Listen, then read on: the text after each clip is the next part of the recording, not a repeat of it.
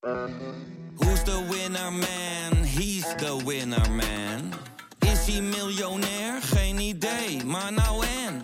Je hebt geen jackpot nodig to be a winner man.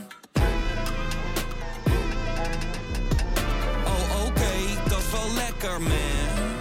Bla bla bla bla bla bla. Bla bla bla bla. Idealen zijn prachtig, maar woorden verliezen betekenis als je niks doet. Dus laten we met z'n allen wat minder praten en meer doen. Bij Agmea zijn we vast begonnen. Zo gaan wij voor minder verkeersslachtoffers, gezonde werknemers en duurzame woningen. Waar ga jij voor? Kijk op www.werkenbijagmea.nl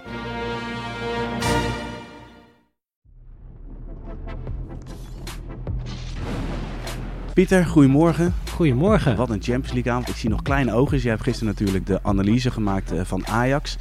Ehm, we gaan alles bespreken. Ehm, maar ik wil beginnen met welke speler is jou het meest opgevallen? Het meest opgevallen, dan kom ik denk ik toch uit bij uh, Owen Wijndal. Die krijgt natuurlijk uh, de kans om een keer uh, minuten te maken vanaf het begin. En ja, die bracht wel dynamiek op die linkerflank van Ajax. Dus als ik er eentje uit moet lichten, en ik heb natuurlijk vooral die wedstrijd tussen Ajax en Rangers gezien, dan is het Wijndal.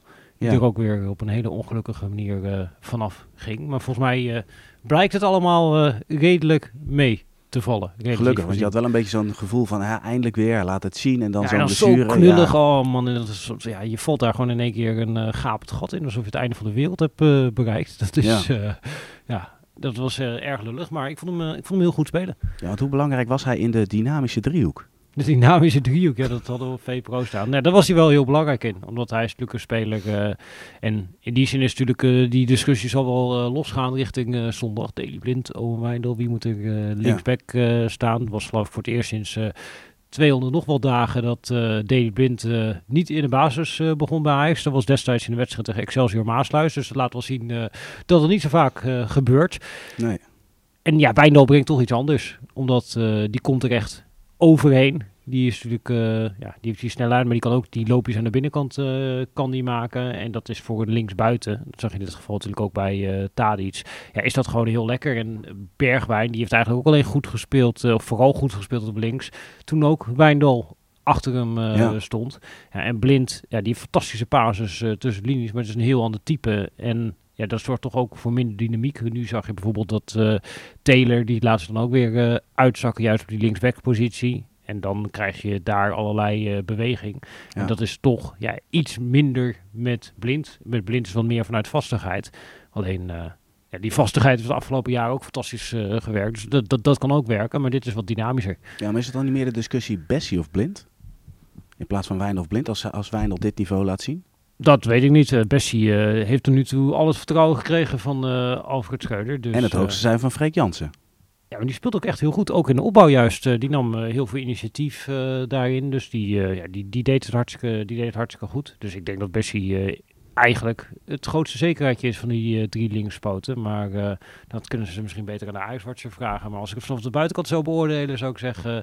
Bessie, die gaat onder Schreuder alles spelen. Oké, goed om te horen. Um, ja, de andere wedstrijd, Liverpool wint van Napoli, maar niet met... ja, de cijfers die groot genoeg zijn om groepshoofd te worden. Dus Napoli is groepshoofd. Als je dan de stand er even bij pakt, want het was echt wel een mooi avondje Champions League. Dan heb je Ajax in de Europa League sowieso. Bayer Leverkusen in de Europa League. Barcelona komt erbij. Sporting Portugal.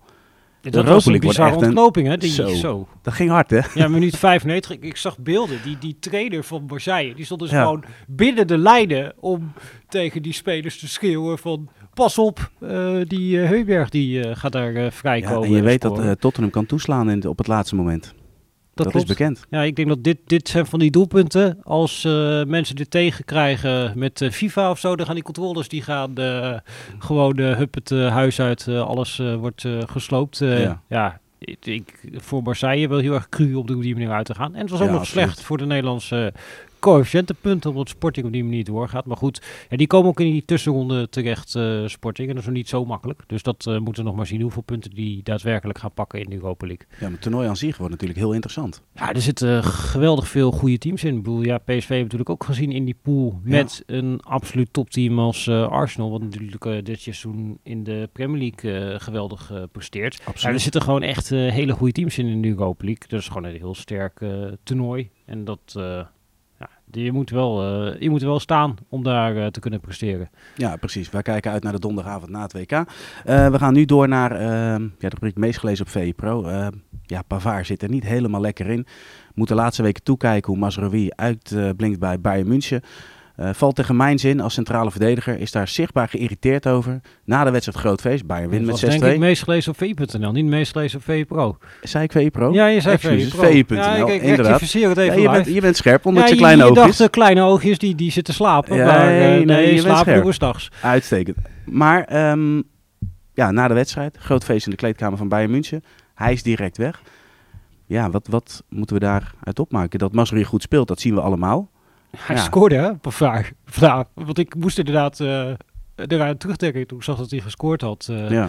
dat, eh, we hadden hem al ongeveer afgeschreven, per vraag. Want hij reageerde boos en ja, die had wat irritatie. Maar ja, dat hoort er denk ik ook bij. En je ziet gewoon bij Bayern daar achterin, daar is keuze, joh. Dat is niet normaal. Want ja, bijvoorbeeld, ik zat ze afgelopen weekend te kijken. Nou, dan start er centraal Ja. de licht met eh Upamecano. Nou, dat betekent dat die Lucas Hernandez, wat volgens mij nog steeds, is dat het nog steeds de duurste verdediger ooit? Eh, bij Bayern, dat zou heel goed kunnen. Ja. Dat moeten we opzoeken. Nou ja, die, die is in ieder geval eh, voor gigantisch, ja, dit is meer dan 80 miljoen is daarvoor betaald. Ja, die zit dan op de bank. En inderdaad, Pavard, die eh, een WK heeft gewonnen, ja, die zit ook op de bank. Ja, maar ja, de licht heeft op de bank gezeten. Op elkaar zal een keer op de bank zitten. Het gaat er wel om, hoe ga je daarmee om? En dan vind ik het wel opvallend voor een ervaren speler als Pavard. Dat is toch juist ook- goed? Nou, vind je het goed? Ja, nee, ik vind ja, juist goed dat je, ja, dit is toch logisch dat er een soort van frustratie op een gegeven moment eh En hoe ga je ermee zit. En in dit geval, ik, ik, ik weet niet of dit een positief signaal is. Want je ziet aan de andere kant wel overduidelijk dat Mazraoui goed speelt. Ehm, dus ja, ik, ik vraag me af of dat de uiting is, of dat, of dat in ieder geval goed is. En of dat ook past bij een ervaren speler. Ja, weet ik niet, maar op zich, kijk, dat hoort natuurlijk wel bij. Bij een, als jij een goede speler wil zijn, dat je ook teleurgesteld bent als je niet speelt. En als je er wel in komt, dat je Ja, dan dat wel is de laat zien. discussie niet, Pieter. Maar pak nu het moment, hij, hij gaat geïrriteerd, gaat hij weg. Wat ga je dan krijgen? Is dat het vergrootglas op hem komt te staan op het moment dat, Dat hij wel gaat spelen. Dat En dan moet je wel zo goed spelen. Op het moment dat, ja, weet je, dan, dan ga je ook weer de hoon over je heen krijgen. ja, het is natuurlijk allemaal niet slim, dat, eh, dat ben ik met je eens. Maar dat eh, hoort er voor mij, ja, dat, dat ja, is, maakt het toch ook wel een beetje leuk. Dat af en toe eh, Ja, voor ons dit, soort- dit soort dingen gebeuren. En dat ook een beetje karakter. Het doet me ook weer denken aan eh Eden Hazard, die op een gegeven moment bij de Interland bij België gewisseld was. En de hamburger ging, ge- ging eten voor het eind van de wedstrijd. Ja, dat, dat, ja, het zijn toch een beetje de leuke verhalen waarvoor je het eh, moet hebben. En Ja. nou als we niet het bericht hadden gehad eh, dat uh, Pavard baalde van Masroui, dan ja, was het ook allemaal aan ons eh, voorbij gegaan. Dus Zeker. Nu, eh, nu, nu kunnen we daar lekker over lullen. De discussie eh, bij Bayern rechtsback, wie moet er staan, Masroui of Pavard. Ik moet wel zeggen trouwens, als we het even positief, hoe Masroui het daar doet, vind ik echt super knap. Ja, die past zich echt in een heel rap tempo aan aan dat hogere niveau. En hoe hij dat daar invult, ja, het ziet er echt gewoon heel erg goed uit. Dat vind Ja. ik echt heel erg knap. Ja, En laat maar- denk ik ook wel zien dat hij bij Ajax toch altijd onderschat is gebleven. En dat hij heel belangrijk is geweest voor de manier waarop eh, Ajax speelde.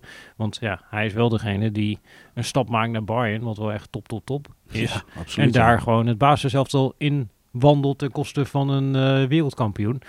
Ja, dan Ja. kun je denken toch wel iets. Nou ja, is heel knap. We hadden Mané in het elftal van de week deze week. En eh Soel en ik hadden het er ook over dat ehm, bij de treffer van Goretzka, die mooie voorzet van Mané, hoe belangrijk Mazraoui aan de voorkant is. Door het indribbelen, door de as, vanuit de rechtsbackpositie. Hij is zo dynamisch, hij is lastig vat op te krijgen. Je kunt een man meer op het middenveld krijgen, maar hij is ook snel weer terug in de omschaling. Dus ja, misschien wel zijn grote diversiteit in zijn spel, dat, dat is gewoon zijn grote kracht, toch? Dat klopt. En dat, dat helpt ook, wat je zegt, al die spelers die voor hem staan, die gaan met Moscovici op het veld, gaan ze gewoon beter presteren. Ja, Omdat hij ervoor zorgt dat hij toch aandacht op zich vestigt. Waardoor, nee, je kunt ook wel zeggen dat eh, Anthony, is ook voor 30 miljoen meer verkocht omdat uh, Moscovici achter hem stond.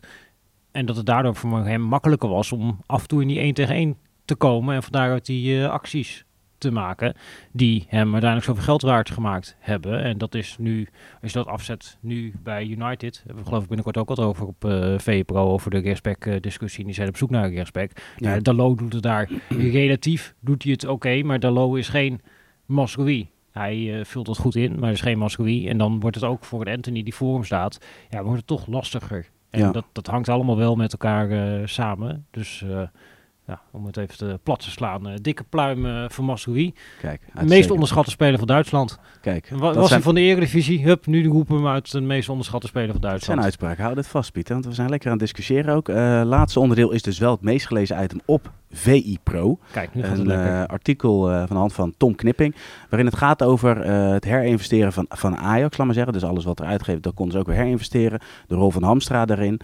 Ehm, als je dat artikel leest, en, en eh, het gaat natuurlijk over de tien aankopen, die niet allemaal spelen. Maar hoe lastig was het instapmoment van Hamstra en in hoeverre wordt dat onderschat, vind jij? Ja, het is heel lastig om daar heel veel over te zeggen, omdat het stuk van Tom ging natuurlijk ook met name over eh, ja, de financiële kant van het eh, verhaal. En dat, dat geeft in ieder geval wel ja, een soort van inzicht in hoe ziet dat nou precies boekhoudkundig eruit.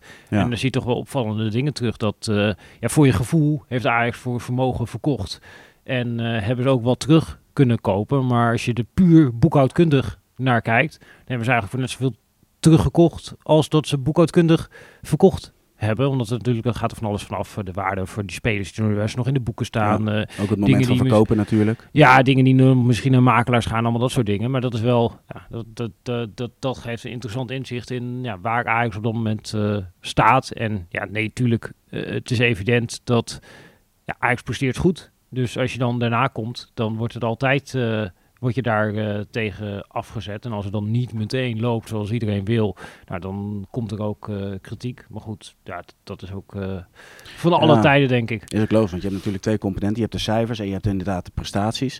Ehm, ja, waar hij dus geïrriteerd op raakte, dat, tenminste dat, dat had voor de camera.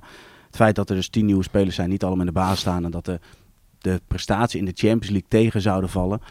Ja, is ook wel logisch dat hij daar geïrriteerd op, op raakte. Want als je kijkt naar Liverpool-Napoli, het is toch volkomen logisch dat Ajax derde eindigt. Ja, tuurlijk. Ja, Ajax heeft gewoon heel veel pech gehad eh, met deze loting. En de, je komt tegen absolute topteams kom je te spelen. En ja, dit Liverpool, ze presteren natuurlijk niet in de competitie. Maar het is wel een team, en dat heb je natuurlijk ook gezien tegen Manchester City. Je ziet nu ook weer tegen Napoli. En ze zijn nog steeds in staat om op een goede dag, ook al functioneren ze nu niet zo goed als team, om Nee. dan absolute topteams te verslaan. En daarom is het gewoon lastig om tegen zo'n Liverpool te spelen. Napoli is natuurlijk gewoon een absolute topvorm dit seizoen. Dus het is gewoon een loodzware pool waar Ajax eh, in zit. Nou ja, en hè, als je dan nog even terugkomt over die eh, aankopen. Bijvoorbeeld die Conceição, die komt erin. En die maakt nu weer een eh, doelpunt. Nou, Ja. dat, je, je ziet toch wel in die paar minuten dat hij steeds mag invallen. Ja, dat hij op de lange iets- termijn is die aangehouden. ja, dat hij iets heeft. En ja, de, in die zin eh, ben ik het eh, mee eens van, joh, als je die aankoop echt wil beoordelen, moeten we misschien gewoon nog eh, even een paar maanden wachten. En dan kun je echt Ja. de balans opmaken van hoe staan ze ervoor. Het is nu eh, ja, allemaal misschien nog eh, wat vroeg. En laten we de context nuance geven waar eh, Gerry Hamstra zo eh, blij mee is. Precies. Pieter, bedankt voor jouw eh, bijdrage in deze VZSM. En jongens, jullie bedankt voor het kijken en voor het luisteren. Morgen zijn we uiteraard weer terug met een nieuwe VZSM. Doei!